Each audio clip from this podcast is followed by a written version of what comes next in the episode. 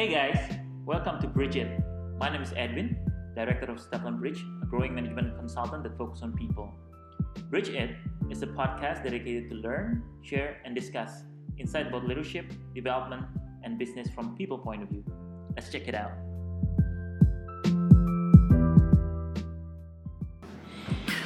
Welcome to Founders Talk, where we'll meet business founders to talk about their business and life. Enjoy. In this episode, we're going to talk about how to dream big and be realistic. Alright, teman-teman, welcome again to Bridge It, ya. Jadi nama podcastnya namanya Bridge It. Oh ya, bridge it ya. Bridge It ya dan apa namanya? Namanya Bridge It dan kita manggil orang-orangnya adalah orang yang dengerin adalah Bridgers.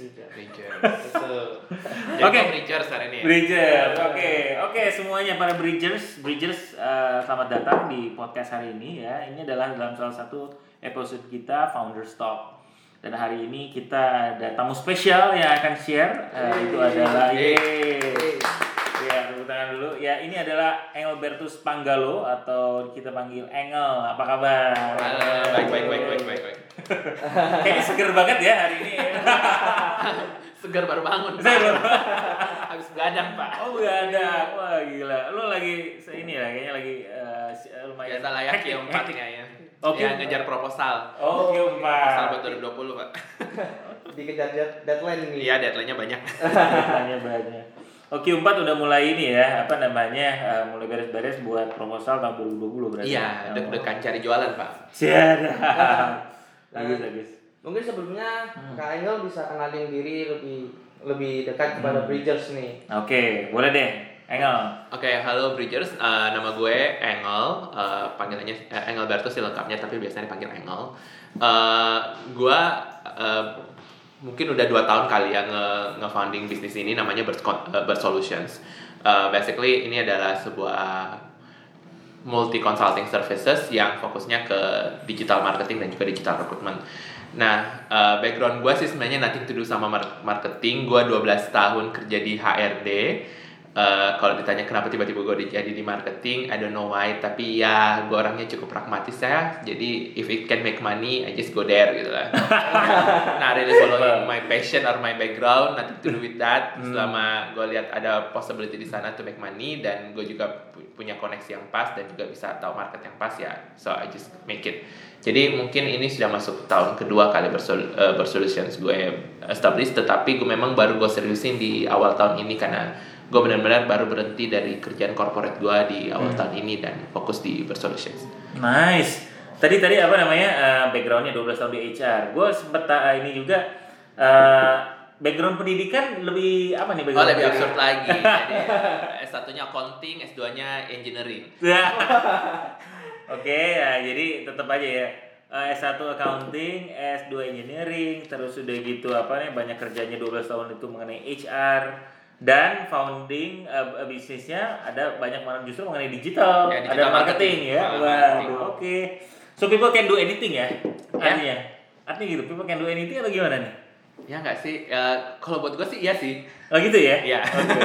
Sama you willing aja untuk Hmm. untuk coba nyelamin eh, wilayah baru sih. Oke. Oh. Nggak karena kan orang kadang-kadang suka apa namanya mikir gitu, wah gue ini backgroundnya ini atau misalnya gue juga gue seumur hidup kerjainnya ini, masa gue pindah jadi ngerjain apa gitu. How how is the apa kayak lo transitionnya gimana? Dan akhirnya tiba-tiba, gue nggak tahu kenapa bisa tiba-tiba nyemplung akhirnya ke marketing sama digital digital marketing lah. Oke, jadi eh, waktu ending-ending karir gua tuh gue banyak banget eh, kebetulan di perusahaan-perusahaan digital. So I was in Oh. Bukalapak, sebelumnya gue juga di BTPN yang baru juga waktu itu launching Genius-nya ya. Hmm. So eh, di situ gue sebagai HR gue banyak banget dealing sama orang-orang yang bergerak di bidang digital Hmm. dan project-project yang gue handle juga di digital related gitu loh karena eh, waktu itu waktu gue masuk BTPN tahun 2016 sih pada mistake Eh, waktu itu BTPN juga lagi nge-revamp employer brandingnya dan gue memang memang di hire di situ untuk benar-benar kayak nge-establish baru employer brandingnya dan melakukan digital campaign terhadap employer brandingnya. Oh, karena eh, kalau nggak pakai digital campaign kayaknya nggak masuk akal sih waktu itu kita bisa kayak benar-benar revamp semua employer brandingnya dan bisa merekrut talent-talent yang digital.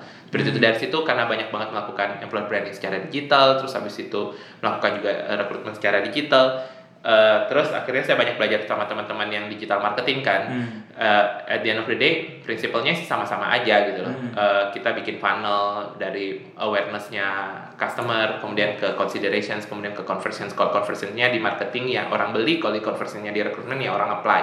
Itu aja bedanya sih. So dari situ eh gue ngerasa ya kayaknya sama-sama aja gitu loh.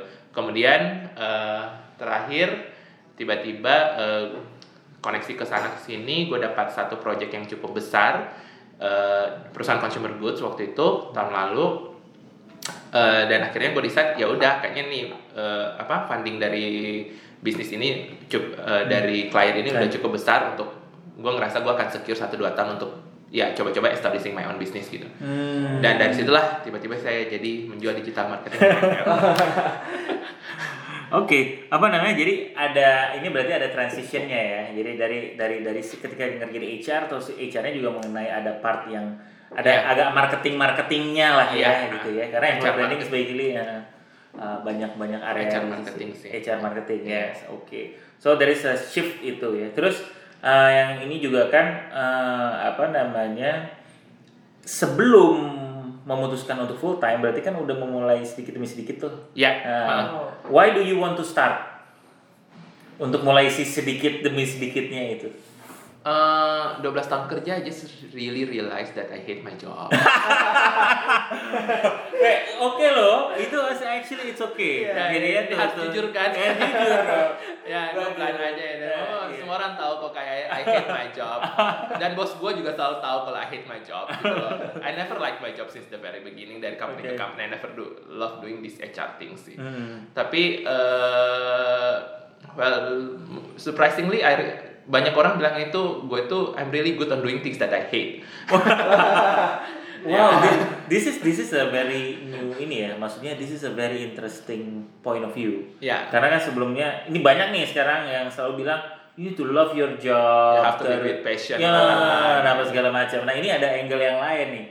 Ah, ini ternyata malah malah ada quote dari bosnya bilang bahwa you are you're good in doing the job that you hate ya. ya ya Nice, nice, nice, nice. Oke, Eh, apa boleh cerita dikit nggak maksudnya eh, Ya, gimana angle-nya gitu ya? Maksudnya eh, kan ini sesuatu yang lu nggak seneng gitu, tapi lu Ya. malah justru keren ngerjain itu gitu. jadi 12 tahun gue ngerjain HR ya ya simple aja sih lulus kuliah terus waktu itu lulus kuliah lulus kuliah saya 2007 2008 gitulah ya Eh, dapat pekerjaan pertama di perusahaan konsultan ya terkait dengan people juga eh, eh, apa eh, project-projectnya ya udah duitnya oke ya just take it gitu Oh, oke. Eh, dan ya nggak fair aja sih kalau misalnya waktu itu gue dapat opportunity dengan ya dengan gaji yang lumayan dan tidak gue ambil gitu loh Oke. tapi pada pada saat itu why you decided to like you're an accounting student terus akhirnya di consultant tapi ngerjain HR atau ngerjain HR ketika udah di dalamnya? Eh ngerjain HR-nya waktu udah dalam Ah, Oke, oke, oke. sebenarnya bukan HR sih kayak lebih kayak people and organization consultant People and organization. Nah, dan keluar dari consultant itu akhirnya saya moving ke Unilever ya udah udah di hire-nya sebagai HR HR Oke. HR, HR terus aja kalau orang nanya kenapa kenapa lu di HR terus ya skill gua itu ya orang kalau offering gua kerjaan ya itu lagi Iya. Ya udahlah ya. Iya iya iya. Menarik menarik menarik. Ini nanti kita akan bahas juga karena mungkin eh, nanti lu bisa share juga apa namanya eh, values dari organisasinya. Salah satunya sempat gue research sempat ngobrol adalah eh, apa? Pragmatisme pragmatism pragmatism. Wah gak banyak nih company yang punya value itu tapi be- before we go we go into that uh, apa namanya topics jadi kan mulai nih ya starting uh, terus udah gitu uh, pertama masih kerja terus udah gitu baru akhirnya decided oh ini udah oke gue bisa nih mulai. Ya gue decided oke pas udah. Hmm. modalnya udah cukup sih. Modalnya? Ya so basically kalau misalnya cicilan rumah udah lunas. Yang gitu-gitunya mbak iya iya iya.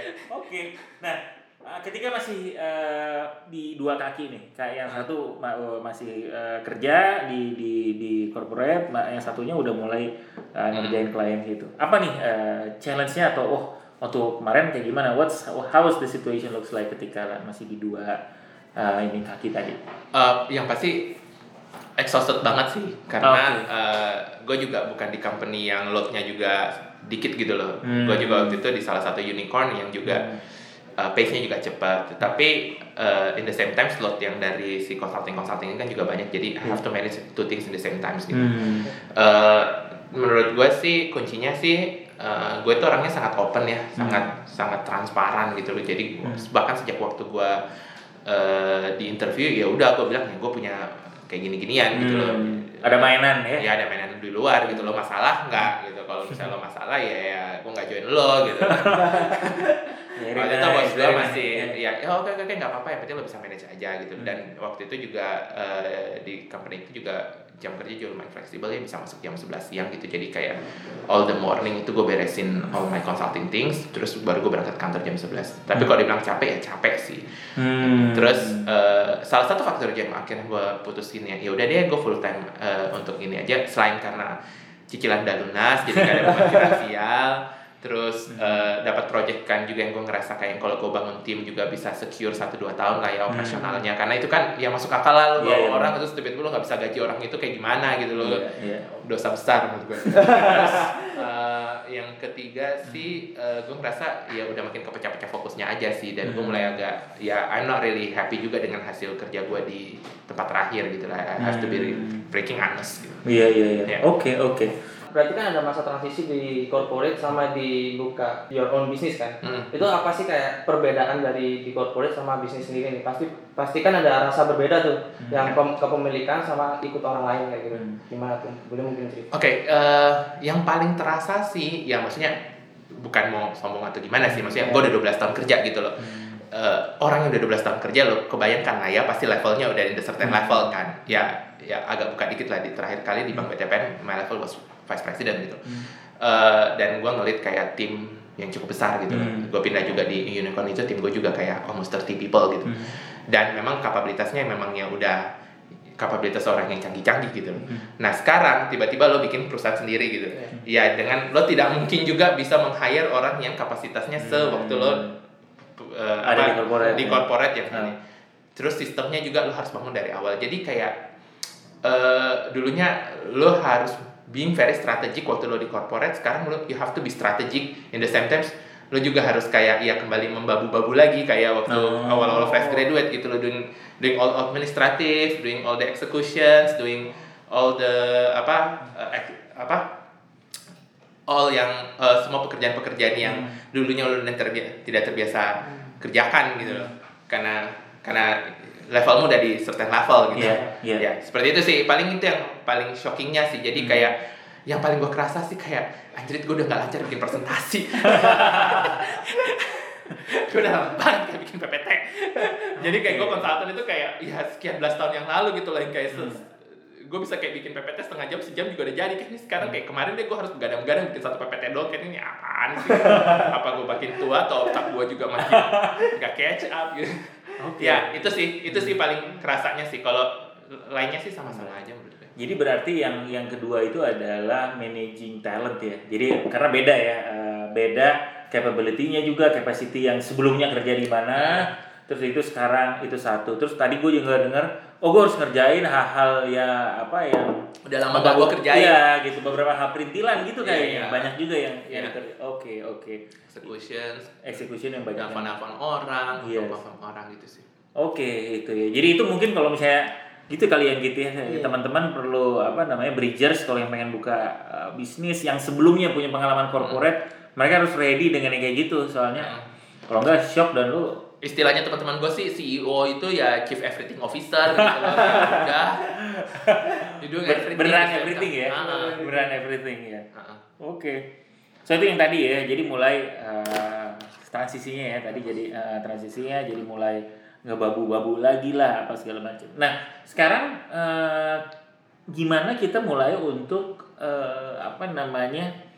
Membuat tim kita itu yang tadi yang tadi yang capability-nya berbeda mulai bisa catch up gitu apa yang what do you do with the team Hmm. terus ya gitu kan pasti uh, I, I don't know uh, aku nggak timnya ada berapa sekarang Sekarang sih tim gue yang full time sekitar apa ya? 11 anak. 12 12 12. Oke, so misalnya ada 12 orang itu gimana nih kita bisa membuat mereka up to speed dan juga up to capability yang lu pengen lah gitu. Oke. Ya, eh, pertama sih ya I'm being really honest lah ya. Ya. Eh, namanya bisnis baru buka, ya Ya. nggak mungkin lah gue punya duit yang bisa langsung hire orang yang udah canggih-canggih banget gitu. loh. Pasti gue akan banyak banget dapetinnya anaknya fresh graduate, Hmm. ya kan. Hmm. Dan ya kalau misalnya ngambil anak fresh graduate berarti eh, walaupun mereka experience-nya masih terbatas banget, Ya. tapi nyari yang memang fresh graduate yang eh, bahan mentahnya itu bagus gitu loh. Oh, oke. Nah, satu yang selalu gue lakukan, eh, gue tes IQ sih join. Keren ini, penting nih. Di saat ya banyak nih, soalnya yang apa namanya? Orang banyak yang udah tidak lagi melakukan itu, right? Ah, Tes IQ tuh nggak tuh. Do it very simple aja sih. Do, Iya. do it simple banyak banget kan tes IQ online Hmm. juga atau Hmm. ya, lo beli beli tools lah yang kayak ya cuma kayak satu satu satu satu alatnya juga kayak cuma lima puluh ribuan Hmm. ya nggak rugi lah ya satu alat lo pakai lima puluh ribuan tiba-tiba daripada lo tiba-tiba udah rekrut eh ternyata bego gitu lo juga yang menderita gitu loh menurut gue oke. Nah, jadi eh, menurut gue sih bahan Hmm. bahan mentahnya memang ini sih dan eh to be honest Hmm. eh, hampir semua anak-anak gue ambil itu kalau nggak level intelijensinya segue Hmm. rata-rata lebih pintar dari gue. Oh, Ah. oke. gue harus akuin banyak yang Iya, iya. banyak yang kayak lebih pintar dari gue gitu. Jadi kayak begitu gue cekokin dengan hal baru gitu kayak langsung Bisa langsung cepet ya. langsung bisa ini sih. Hmm. Nice juga ya. Gue cukup tertarik yang terakhir.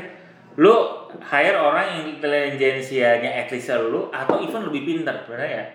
Nah, gi- eh, kenapa tuh? Maksud gue kan eh, nggak semua orang juga eh, ready to manage smart people lah atau misalnya ada yang orang pintar kan mungkin mereka punya eh, their own thinking gitu. Kalau anak orang pintar sih selama lo kasih challenge aja sih terus. Hmm. Nah, jadi biar mereka nggak bosan. Kalau mereka eh, bosan biasanya mereka mulai bertingkah sih. Oke. Asal mereka nggak bosan aja. Jadi lo kasih kerjaan baru dan mereka excited sama eh, pekerjaannya. Pekerjaannya ya. Nah, Oke. nah, dan anak-anak fresh graduate sekarang gue ngerasa ya emang pintar ya dan memang memang punya motivasi untuk maju ya. Mereka Hmm. memang eh, berusaha nyari nyari pekerjaan itu udah nggak kayak nggak ter- ya anak-anak gue sih tipenya bukan yang kayak milah-milih ini gue nggak suka ini gue Hmm. suka gitu-gitu. Eh, DNA-nya itu memang ya udah memang lo kasih gue apa aja gue punya semuanya karena mereka selalu yakin apa pun yang gue kasih itu akan membuat mereka tambah pintar Oh. dan memang gue gue selalu bilang ya gue juga nggak harap lo sampai tua kali sama gue Hmm. pasti juga setahun dua tahun lama gue lo akan cari kerjaan lagi kan Hmm. and I will help you with all my connection to finding a job lah lah lah, Hmm. tapi yang penting lo sama sama gue tuh lo tambah pintar gitu loh nggak sama aja gitu Hmm. That's very interesting juga ya, apa namanya terutama dalam dalam setup ini ya. Jadi Iya. pertama kita eh, apa namanya sebagai business owner eh, ready to lose talent ya. Jadi kayak Ready to satu talent iya, menurut gue. satu tahun satu gue lu udah mempersiapkan diri bahwa Iya. talent gue emang gak akan like 10 years, 15 Ya. years up to pension lu gak menawarkan sekarang mah hitungannya bulan Iya iya. So that is something yang yang Iya. yang, yang I think itu ya. Uh, uh, terus um, itu salah satu. Jadi lu udah udah udah tahu bahwa oh seperti kayak gini. Jadi lu juga manage orangnya uh, apa namanya? De- lu tetap tapi lu tetap develop ya.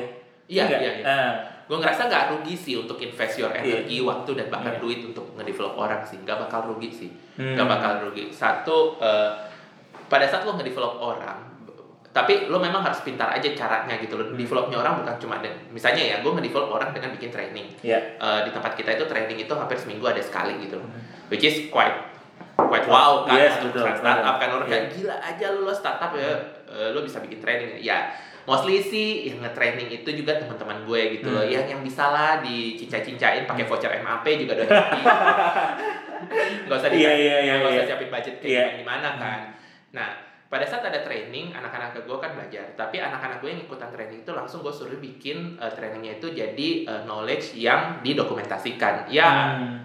minimi ya mungkin kalau mau bilang knowledge management terlalu lebay gue bilangnya tapi Iya. ya inisial dari itulah Jadi knowledge-nya itu langsung ditaruh. Apa pun proyek yang mereka kerjakan itu mereka dokumentasikan workflow-nya gitu loh. Iya. Jadi semua proses kerja, semua knowledge itu semua perusahaan itu didokumentasikan. Jadi Hmm. uh, uh, perlahan sambil gue nge-develop orang, anak orang yang gue develop itu juga nge-develop sistem. Iya. So anytime mereka pergi, knowledge-nya tidak cuma ada di manusia itu, tapi knowledge-nya juga ada di organisasi gitu. Oh, oke. Yes. Very interesting. Karena apa namanya? eh, jadi ini beneran kayak mini knowledge mana- management lah ya, at Iya, least ya. iya, jadi iya. dimulai ininya ya. Mereka ketika bekerja, mereka juga setting up their workflow sehingga Hmm. orang nanti kalau misalnya oke dia pindah bagian atau dia pindah company, Heeh. the the knowledge stays. Iya. ya. Tapi nggak jangan jangan mikir yang terlalu wah, yang terlalu kompleks, sophisticated gitu, Iya, yang iya. pakai proses flow, Iya. uh, swim swim chart Swim lane lane. lah dan segala macam. Ya udah, bahkan anak-anak juga terbiasa bikin SOP itu kayak step 1, step 2, step 3, be very pragmatic. Yang penting orang ngerti aja gitu loh. Way of workingnya gimana, cara bacanya gimana gitu sih. Oke, oke. Nah, apa namanya? Tadi pengen tadi lu terakhir ngobrol mengenai pragmatic dan gue pengen ngambil lagi yang tadi mengenai value pragmatism. Heeh. Why pragmatism? Eh, pragmatism susah sih kalau nggak pragmatis lo baru berdiri dan gue juga decide gue tidak mau pakai investor ya maksudnya eh, Bootstrap sendiri ya ini bootstrap ya. sendiri terus eh, kalau lu nggak benar-benar result oriented susah sih menurut gue Hmm. kayak benar-benar harus fokusnya itu sama dampaknya ke bisnis gimana nih bisnis survive Hmm. dan semua anak-anak memang juga kayak gue bangun kayak eh, mentalitasnya ya kalau bisnis nggak survive ya ya kita semua kehilangan ladang makan bareng-bareng gitu That- that's the implications gitu loh so we Hmm. have to work together terus eh, kedua adalah eh, ya gue nggak tahu ini salah atau benar tapi gue ngerasa mulai mungkin agak gue mulai agak khawatir juga sih Eh, sedikit banyak ketika lo ngerekrut orang kan lo akan milih orang-orang yang gak mirip lo kan Oh, jadi value-nya tuh Iya, sama iya, lah ya. iya. Oke, oke. jadi eh, dan gue bukan tipikal orang yang kekeluargaan gitu anak-anak gue juga sangat tidak kekeluargaan jadi kayak kita punya value itu misalnya kayak eh, ya kalau misalnya si A nggak suka sama si B eh, ya nggak apa-apa yang penting si A bisa kerja sama si B gitu loh Iya, terus nanti tiba-tiba si B nya resign ya lo nggak perlu bikinin farewell just because formalitas aja gitu Iya, loh iya, ya iya. kalau dia memang lo nggak pernah suka sama dia ya bye lo nggak perlu makan siang sama dia Iya, lo iya. nggak perlu lo nggak perlu apa lo nggak perlu Hmm. melakukan hal-hal yang corporate formality lah dan Yes, maksudnya yes, kayak gue yes. tidak tersiksa 12 tahun dengan semua corporate formality terus Oke. gue punya bisnis sendiri kenapa gue nggak bikin my way aja gitu Iya, loh iya, iya. Itu Iya, sih. iya. jadi Iya. kombinasi antara my personality versus business inherent needs-nya sih Oke, Pragmatism. oke. I think that's very interesting, uh, interesting juga ya. Jadi uh, pertama adalah mengenai pragmatismnya itu kenapa dari sisi bisnis ya. Jadi Ya. oke lah, lu lu mereka tuh dari awal diperkenalkan. Kalau gue dengar dari lu cerita ya bahwa men ya udah men ini bisnis kita bareng-bareng. Mereka juga understand business consequences kalau they are not performing atau Ya. organisasi is not performing. Ya udah men kita juga itu satu. Yang kedua adalah uh, I think this is uh, apa ya kayak alternatives atau atau different aja point of view ya karena not everyone juga senang dengan kekeluargaan dan gotong royong loh bener juga Iya, iya. right Uh-huh. so you will attract the the people who are actually interested untuk work di di, di Iya. yang tempat yang ya gue sih pokoknya pragmatis aja Iya, iya. gue pengen uh, kerjaan gue deliver I want to learn this Iya. tak tak tak I don't like you it's okay but I can still work with you Iya. gitu ya yang Oke. jadi mereka semua punya alasan tertentu lah bekerja gitu loh maksudnya Yes, yes. ya yang dan di fase mereka ya rata-rata mereka bekerja untuk dapat knowledge gitu loh dapat Mhm. skill dapat koneksi dapat Iya. Eh, dapat pengalaman lah untuk Iya. nge-building capability dan mereka semua fokus ke situ gitu loh jadi Hmm. mereka fokusnya ya gimana gue bisa tambah pintar gue bisa punya banyak koneksi baru gue bisa Hmm. eh, punya modal lah untuk apa apa pun pilihan karir mereka selanjutnya gitu loh Oke. setelah dari tempat gue jadi memang mikirnya kayak gitu jadi kayak all the drama itu nobody care gitu loh kayak ya Hmm. udah next gitu bahkan Iya. beberapa dari mereka juga bahkan sempat misalnya ya gue misalnya kayak sempat mau bikin kayak yuk kita bikin aktivitas bareng gitu Iya. kayak apa karaoke bareng ada dari mereka kayak "Eh, boleh nggak kita nggak terlalu akrab Terus langsung nih, langsung bilang kayak gitu. ya? Boleh nggak kita nggak terlalu akrab? jadi gue udah kayak oke oke oke, kayaknya eh, value-nya udah benar-benar kayak gue banget Iya iya, waduh asik asik ya, asik ya. Betul. Nah, terus ada ini kan dengan culture yang sangat unik ya menurut, Iya. menurut Iya. kita ya. Terus bagaimana sih untuk mendeliver sebuah culture seperti itu dan bisa ngena ke ke para anak-anaknya itu? culture ya eh, culture semua menurut gue ya tanggung jawabnya culture itu ada di founder ya. Nah, kalau lo founder ya lo yang harus ngeset culture lo seperti apa gitu loh. Iya. Jadi kalau lo menye-menye lo nggak jelas lo mau define kayak apa itu yang bikin culture-nya jadi nggak jelas. Hmm. Nah dari awal kalau misalnya lo udah jelas, oke gue jelas culture gue mau gue pragmatism, berarti on the first place ya gue akan meng-hire orang-orang pragmatis juga gitu loh. Hmm. Satu, Iya. jadi memang orang-orang itu yang pragmatis, tidak orang-orang yang tiba-tiba punya visi misi menyelamatkan Indonesia nusa dan bangsa, give impact bla bla bla gitu. Oke, ya udah mereka oke. pragmatis aja kayak gue gitu. Oke. Eh, jadi dari awal mereka memang udah ininya sa- satu. Terus habis itu yang harus dihindari kan orang baper kan. Hmm. Ya. Susah Ya kalau orang Iya. ketemu orang pragmatis jadi gini. ya udah jadi kayak memang by by default eh, apa eh, kita akan mengumpulkan eh, merekrut orang-orang yang punya eh, value dan karakteristik yang mirip, Mirip. untuk mendukung value itu sama. Hmm. Kalaupun nanti satu dua orang pastinya ya akan ada yang value-nya berbeda, pasti Iya. akan by default juga akan tersingkir gak sih? Hmm. Mereka kan tidak. Terus ya bikin sistem ya culture ujungnya sistem reward punishment yang jelas gitu Iya. kayak eh, orang yang mendukung value pragmatism di reward orang yang tidak mendukung value itu Hmm. ya dipunish gitu Oke, oke. Itu uh, how it relate with the business performance uh, apa namanya uh, value pragmatismnya dan itu satu. Kedua, apa sih uh, yang menjadi mungkin top things atau atau one or two things yang ketika lu deliver uh, service to other to to clients itu apa sih yang penting gitu? Karena kan satu pragmatisme ya definitely ya tadi oke clients kayaknya oke at the end of the day client want to have profit they want to have the business runs well pokoknya kerjaan kita nggak ada yang um, ngaco gitu kita harus deliver bener mungkin eh, kalau gue perhatiin ya ini juga kayak udah kelihatan banget kan gue setiap kali meeting sama klien Hmm. jadi setiap kali meeting apa pun sama klien briefingnya klien panjang lebar biasa lah ya atau kalau enggak klien curhat ini itu ya curcol sana sini lah Iya. tapi ujungnya mereka akan selalu nanya gitu loh Hmm. jadi eh, KPI yang mau pengen kita achieve apa hmm. jadi bisnis resultnya apa gitu iya iya misalnya kayak kita bikin eh, digital activations Hmm. dia bilang oke lo mau tahu eh, berapa impressionsnya berapa awarenessnya atau cuma mau yang endingnya ujung-ujungnya berapa orang yang participate di event ini gitu Hmm. jadi memang mereka kayak udah terbiasa nge-push klien itu kayak oke endingnya lo mau apa gitu loh Oh. jadi kita ngejar angka tersebut Hmm. dan eh, value itu juga yang diimplementasikan misalnya eh, kita misalnya kayak jumlah partisipasinya adalah 300 orang gitu Hmm. ya no matter what happen anak-anak itu udah terbiasa misalnya kayak kita bikin event uh, di di di jalanan gitu ya maksudnya Hmm. kayak di Car open Day. space gitu ya Oh. car free day gitu Hmm. mau udah hujan deras kek anak-anak Hmm. bilang kayak mau tsunami kek mau gempa bumi kek Hmm. pokoknya kalau 300 orang ya kita bring 300 orang gitu loh it's Hmm. happen we make it happen whatever it Yeah. whatever happen we don't give any excuses we make it happen Oh, Nah, oke. dan selama itu yang kita udah kita janjiin sama sama si klien Oke, gitu sih oke.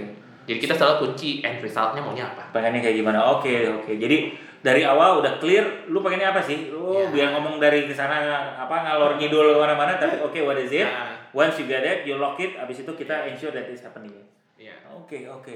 So I think it is uh, very important. Nah terus uh, mungkin uh, ini kan ada si bisnis ini itu ada di area yang mungkin sangat lukratif sekarang ya. Pemainnya banyak juga gitu banget. Ya banyak dan banyak banget. Ah, dan how you navigate dan manage si si apa namanya si si bisnis itu di arena yang pemainnya banyak dan dan orang tuh lagi ya digital is ev- like now is Ya, the everybody, everybody is ya, talking ya. about it ya, Ya. lah, banyak banget ya jujur ya ya batuk-batuk sih gue nggak bilang mulus kok gue nggak bilang bisnis gue mulus Iya, iya, gitu iya, loh iya. Eh, apa ya tapi satu ya maksudnya di luar memang kita mungkin gue agak keluar let me know Iya, kalau gue nggak apa-apa, nggak apa-apa, nggak apa-apa. Eh, di luar kita pragmatis tetapi eh, kita juga punya value yang namanya caring Hmm. tapi caranya kita nge-caring orang itu dengan cara yang pragmatis juga gitu Hmm. jadi kita nggak pernah caring dengan bukan hari gimana Oh iya, atau eh selamat ulang tahun ya kayaknya yang harus gitu-gitu, Ah, lalalala gitu. Gue gua aja kalau mau ulang tahun gue udah pesan sama anak-anak gue daripada lo beliin gue barang yang gue nggak pakai gitu ya. Ini pokoknya gue lagi butuh ini lo beliin ini. wah bagus juga tuh bagus juga bagus juga ya Nah, eh, pertama sih navigating the business environmentnya memang kalau gue bilang ya nggak challenging lagi sih, root dan oh very fierce dan Ya, rude very ya. fierce Iya. gitu. Eh, dan gue sangat-sangat ya da- dari cara gue juga podcast hari ini you, you can tell Hmm. that I'm quite open gitu loh Iya, iya.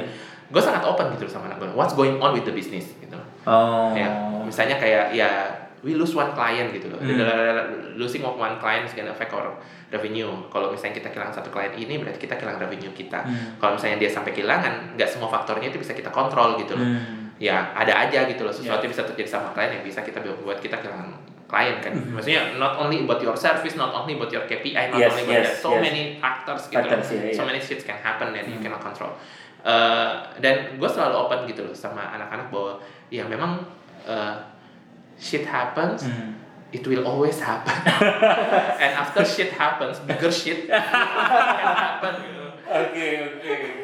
Eh, jadi eh, udah eh, mentalitasnya juga udah terbiasa gitu loh. Hmm. Jadi kayak selalu bikin preemptif, selalu bikin Iya. plan B, plan C gitu Hmm. loh. What we, what we have to do kalau misalnya eh, plan A kita gagal berarti kita ganti plan B, plan A B C kita gagal berarti kita ganti plan D gitu loh. Kalau plan A B C D kita gagal ya oke let's deal with the consequences gitu loh ya memang. Jadi memang kayak nggak terlalu banyak lagi menye-menye gitu. Aduh sedih Hmm. banget sih ini gimana kenapa sih what's Iya. going on. Gitu Tapi benar-benar langsung ya. Oke, jadi ini care-nya itu adalah uh, dengan pertama ada several steps backup plan apa segala macam. Ya. You ensure client are safe dengan Make sure. ya harus sure Ya, bahwa sure. klien are safe dengan dengan dengan kerjaan kita oh, ini if is not working kita punya kayak gini kayak gini. Iya, iya. That's how you show ya the, the Iya. care dari dari pragmatism care nih teman-teman Bridgers nih ada care jenis baru nih ya namanya pragmatism care. Iya, anak-anak itu care banget banget Iya, sampai iya. eh, mereka tahu gitu loh kayak eh, duit operasional itu tinggal sisa berapa, they know that. Oh, Oke. Oh, They alright. know about it. They know Hmm. kayak eh, misalnya kayak iya kalau si client ABC Hmm. eh, masih pending invoice-nya ke kita, Hmm. berarti cash flow kita rusak. Kalau cash flow kita rusak, ya pikirnya apa? Kita nggak bisa bayar gaji gitu loh. Hmm. Kayak that kind of thing mereka Mereka ngerti ya. mereka ngerti dan mereka selalu ada di part itu. Jadi gue ngerasa kayak gue nggak berjuang sendirian gitu loh. Gue Yes. berjuangnya bareng-bareng mereka Ah. gitu. Dari tadi gue sempat sempat ngedengar banyak nih mengenai bahwa dan terasa banget ya gitu ya bahwa ini open, openness it's it's everywhere gitu ya. You Yeah. talk to the about the business, you talk Yeah. about the uh, apa competition landscape, you talk about like the condition of the company. Apa I, I segala- even talk about my vulnerability as a as a human being gitu. Oke. Iya, mereka juga Oh, ya. misalnya kayak misalnya kayak guys mood gua hari ini lagi gak oke banget. Oh, oke. Jadi- Ya, iya, iya. Jadi gua nggak bisa bikin Iya. banyak gitu loh. Atau Iya. guys, gua kurang tidur karena begini begini begini. Iya, iya. Ya, I I begin very open buat my vulnerability. Jadi jadi kayak Oke. Iya. ya ini sih. Dan mereka juga open gitu loh sama gua. Hmm. Ya kayak eh, Mas, hari ini lo agak lagi ngeselin. Oh, Really? Yes. Oke. Boleh nggak lo tone down dikit gitu. Iya, iya. Oke, oke. What do you what do you uh, pertama adalah mungkin kalau misalnya gue rasa uh, apa rasakan openness itu memang adalah diri lo. Ya, Yes. ya jadi memang ya lo mau nggak mau emang akan open dan akan straightforward, akan pragmatism, pragmatis ya. Cuman kan you have team, right? Iya, iya. What is the hope that what uh, dengan openness itu apa yang lo harapkan uh, dari tim lo itu satu. Hmm. Itu dulu deh. Uh, dengan lo lo merasa kalau misalnya gue open berarti tim gue harus ini dong gitu gitu. Sebenarnya sih dengan dengan gue open sih Mungkin expect ya, expect apa? Dengan gue open sih eh, jadinya lu sebagai founder tuh nggak ngerasa kayak lu berjuang sendirian gitu loh. Ah, oke, oke. Itu build up maturity juga dari tim kali ya. Mereka Iya. juga nggak nggak kayak Karena kan lo bangun bisnisnya nggak sendirian kan Iya, sebenarnya. iya betul. betul. Ya walaupun statusnya mereka mungkin belum owner, mereka Hmm. lebih kepada kayak employee pada Hmm. saat ini gitu loh. Iya. Ya, iya, tapi harus dibuka sih kondisinya bahwa Oke. iya gue nggak bisa melakukan ini sendirian gitu.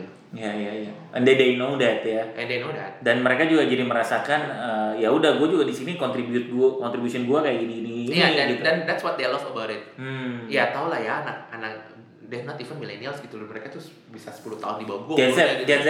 Gen Z iya dan mereka tuh butuh banget kayak merasa dirinya penting gitu Ah. merasa dirinya kontributif gitu. Iya, iya, iya, iya, iya. so eh, hal-hal kayak gini malah membuat mereka tuh merasa dirinya itu signifikan and it's gonna be good for them Iya, it's iya. gonna be good for them karena mereka ngerasa kayak eh, ini gue penting banget gitu misalnya kayak ada anak fresh graduate Hmm. gue hire jadi finance gue Hmm. ya bener-bener dari awal gue kayak harus kerja keras sih ngajarin Iya. dia mulai cost center itu apa cost element itu apa Hmm. terus habis itu iya kadang-kadang orang kuliah akuntansi tapi pada saat diterapkan di bisnis juga kayak nggak bisa nyambungin kuliahnya gitu loh Iya, iya. activity based costing gue ajarin satu-satu gitu loh. Eh, tapi gue bahkan sampai ngasih dia eh, ini bahwa cash flow ya lo yang manage ya kalau sampai kita nggak kegajian itu ya ya udah gue baliknya ke lu gitu loh Hmm.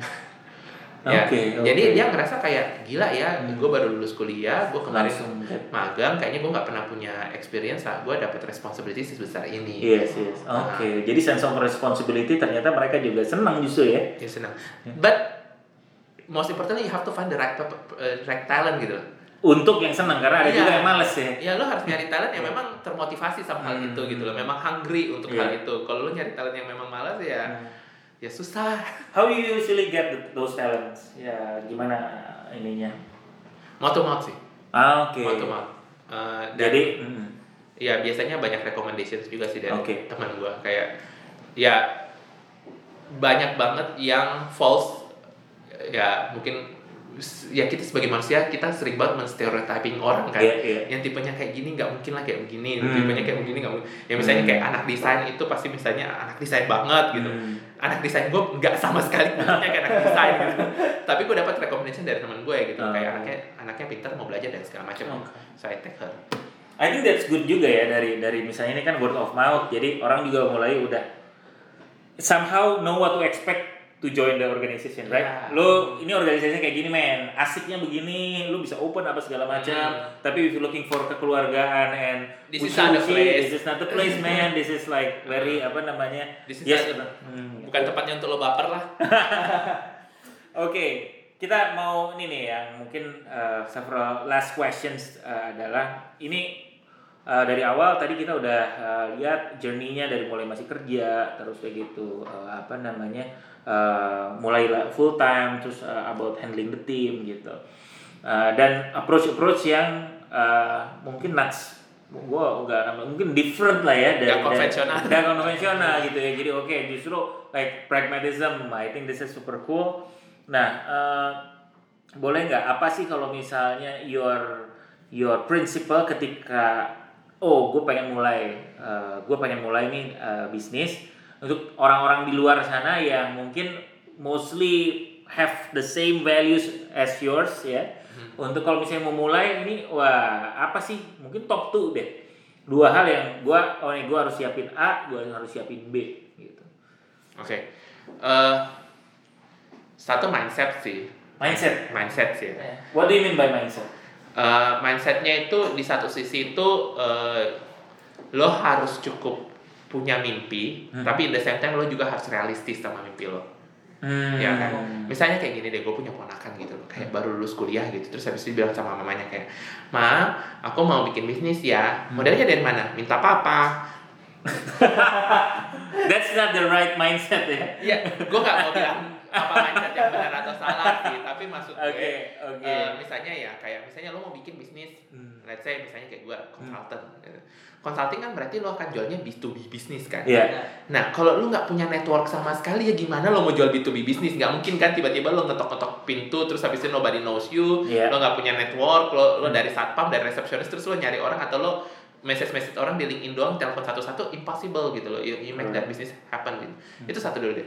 Terus habis itu di time ya mimpi gue A B C D E, gue pengen bikin teknologi apa? Gue punya sih misalnya kayak eh, apa, digital marketing gue itu harus disupport sama eh, infrastruktur teknologi yang sekian sekian Iya, sekian. Tapi kan itu semua duit ya. Iya, iya, iya. Itu semua duit gitu loh. Ya gue juga harus realistis gitu loh. Kayak cash flow gue seperti apa. Gitu. Hmm. Kayak ya beberapa teman kan gue juga banyak sharing sama teman-teman punya Hmm. startup kayak dia bilang per tahun pertama itu lo benar-benar harus kayak saving money Hmm. sampai cash flow lo itu aman sampai at least two cycle of how you making money. Jadi misalnya kayak Hmm. cycle making money lo itu tiga bulan berarti lo harus enam bulan Iya. eh, cash flow lo. Kalau misalnya Hmm. cycle making money lo enam bulan berarti lo harus making satu tahun Satu tahun. ada juga yang bilang kayak emang minimal lo punya budget, eh, cash flow itu untuk amanin operasional lo sampai 10 bulan which is Hmm. itu bukan belum sesuatu yang luxury yang udah gue punya sekarang gitu loh jadi Hmm. mau nggak mau gue memang masih harus nabung gitu loh Iya, iya. untuk jagain cash flow gue untuk operasional baru gue mau mikir-mikir bisnis development gue ABCDE gitu Iya, loh iya. jadi be be quite uh, aspirational having a dream Iya. tapi at the same time you have to be realistic Hmm. realistic Oke. dengan ya dengan diri lo sendiri dengan kapabilitas lo dengan Iya. network yang lo punya dengan Hmm. resource yang resource kan badan lo tenaga lo otak lo skill lo Hmm. uh, network dan even your money gitu loh kalau misalnya lo nggak punya duitnya ya berarti mau mau lo harus nyari investor dulu. dan Iya. do you have access untuk nyari investor is not that easy things juga to do ya kan Iya. Jadi uh, be very realistic lah Uh, Hmm. tapi don't be over realistic sampai lo jadi nggak punya mimpi juga Oke, Nah. so that balance of ya gue tetap punya mimpi. Oke, gue pengen gini gini, gini. tapi mungkin the way to get there-nya perlu dipersiapkan aja juga kali Iya. kalau gue lihat. ya. uh-uh. jadi realistik sama ininya jadi memang memang you got plan deh Hmm. dan uh, you always have a plan for the worst scenario karena Hmm. worst of the worst scenario always happen gitu. Bukan might happen ya, always happen. It always happen Iya, gitu iya, loh. iya. Kayak ya kayak orang bilang lah habis gempa biasanya ada tsunami kan. Iya iya. Ya kan after something hit your business something even worse gonna hit that gitu. Iya iya iya. Jadi be, be always be ready gitu loh. Hmm. Jadi kayak misalnya kayak aduh kayaknya gue udah kena apa nih kayaknya enggak deh besok harusnya gue akan lebih beruntung. Enggak. Bahkan lo harus nyiapin the, even from the worst of the worst scenario sampai kayak bisnis lo tiba-tiba fail dan gagal gitu loh. Hmm. Dan gue juga cukup realistis untuk buka mata gue soal itu. Tiba-tiba gue gagal ya gue harus punya plan B, plan C dong. iya. Makanya kayak waktu gue pertama kali bikin bisnis ini, Hmm. gue tahu income gue Hmm.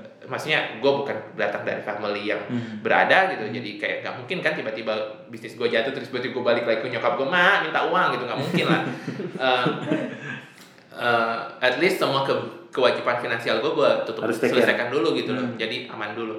Jadi kalau misalnya sampai bisnisnya gagal I know what I'm gonna do. Oke. terus sampai bisnisnya gagal ini kan lo bangun perahu ya Iya. kalau bisnisnya gagal lo sebagai employee lo tinggal nyari lifeboat terus lo loncat dari Iya, perahunya iya, kan iya, iya. ini perahunya sinking lo akan ngajak orang sinking sama lo juga gitu loh Ah. so what are you going to do sama orang-orang itu itu juga lo harus pikirin Oh, oke. That is very important. Ya, karena di sini mindsetnya bahwa lu juga bukan udah sendiri lagi ya, kayak bukan iya kayak orang. Ada sih orang-orang yang kayak ya udah mereka will understand ya tapi menurut gue lo bakal kena azab Allah kayak udah ngajakin orang tinggalin kerjaannya terus lo masukin bisnis lo terus lo ajakin tenggelam sama-sama ya terus Iya. lo punya pelampung sendiri dia kagak punya pelampung ya kayaknya lo bakal kena azab Allah sih menurut gue itu mindset satu Iya, terus iya. eh, eh, thinking kedua sih yang gue selalu punya dan itu Hmm. prinsipal hidup gue sih Iya. Eh, the power of ya udah sih Oh, maksudnya gimana tuh? Menarik banget. Ya udah sih. ya ya udahlah ya udahlah sama ya udah sih beda ya ya udah sih eh, Oh, ya udahlah, mah ya udah sih beda ya. Oke, oke. Eh, banyak banget yang kayak visi lo eh, dan lo pasti punya idealisme Hmm. tapi pada saat lo bangun pada saat kejadian lo kok jadinya kayak gini gitu Hmm. ya sama lah kayak misalnya gue sharing salah satu ya Hmm. Eh gue punya visi untuk bangun bisnis yang namanya community based marketing gitu loh Hmm. tapi saat ini ya antara memang bentuk bentuk service yang kita mau bangun itu benar belum benar-benar duduk dan tajam gitu loh Yeah. bagaimana cara kita komunikasi ke klien Hmm. sama eh, apa kapabilitasnya juga memang belum benar-benar sempurna gitu Ya. jadi sedikit banyak bisnis community marketing gue itu kayak bisnis pendatangan massa coy Jadi kayak bisnisnya Eli Sugigi gitu Oke, Ini kayak oke. Fase digital gue gitu kayak Oke.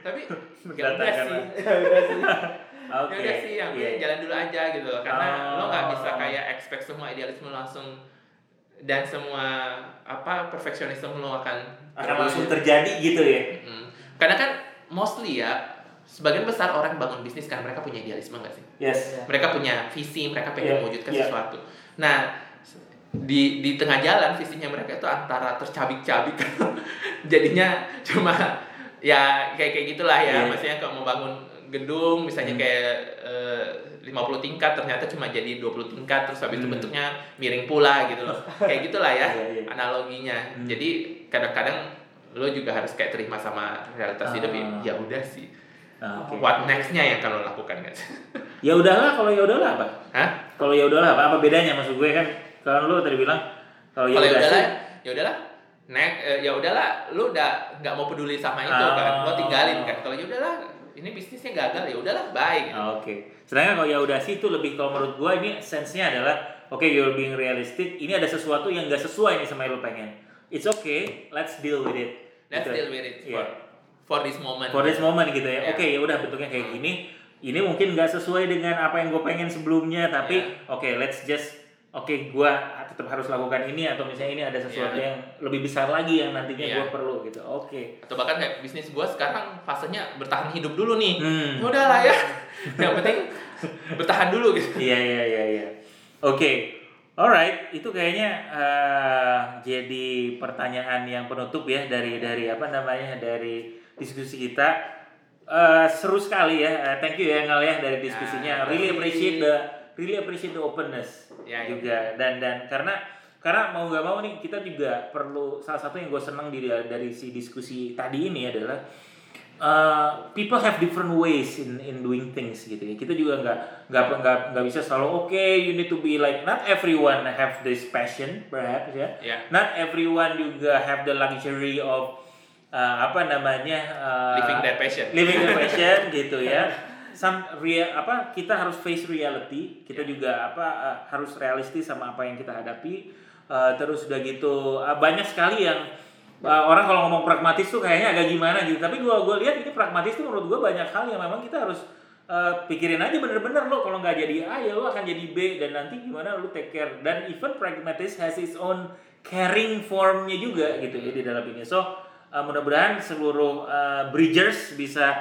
get the sense of ini gitu ya kalau yang uh, sesuai arahannya mungkin bisa bisa banyak juga uh, apa namanya uh, belajar dari sini Uh, kalau misalnya enggak mungkin bisa belajar esensnya dan bagaimana Ya udah sih bisa- kalau enggak. Alright, sekali lagi makasih banyak nih Engel ya. Uh, so, ya tepuk tangan dulu dong. Alright, uh, so this is the, the end of the podcast today. Uh, di podcast setiap hari uh, Rabu on Spotify, ada di Apple Podcast, Google Podcast. Uh, terus udah gitu uh, visit our website. Terus udah gitu bisa inquiry, bisa email ke contact at stephenbridge.com. Alright, bye bye.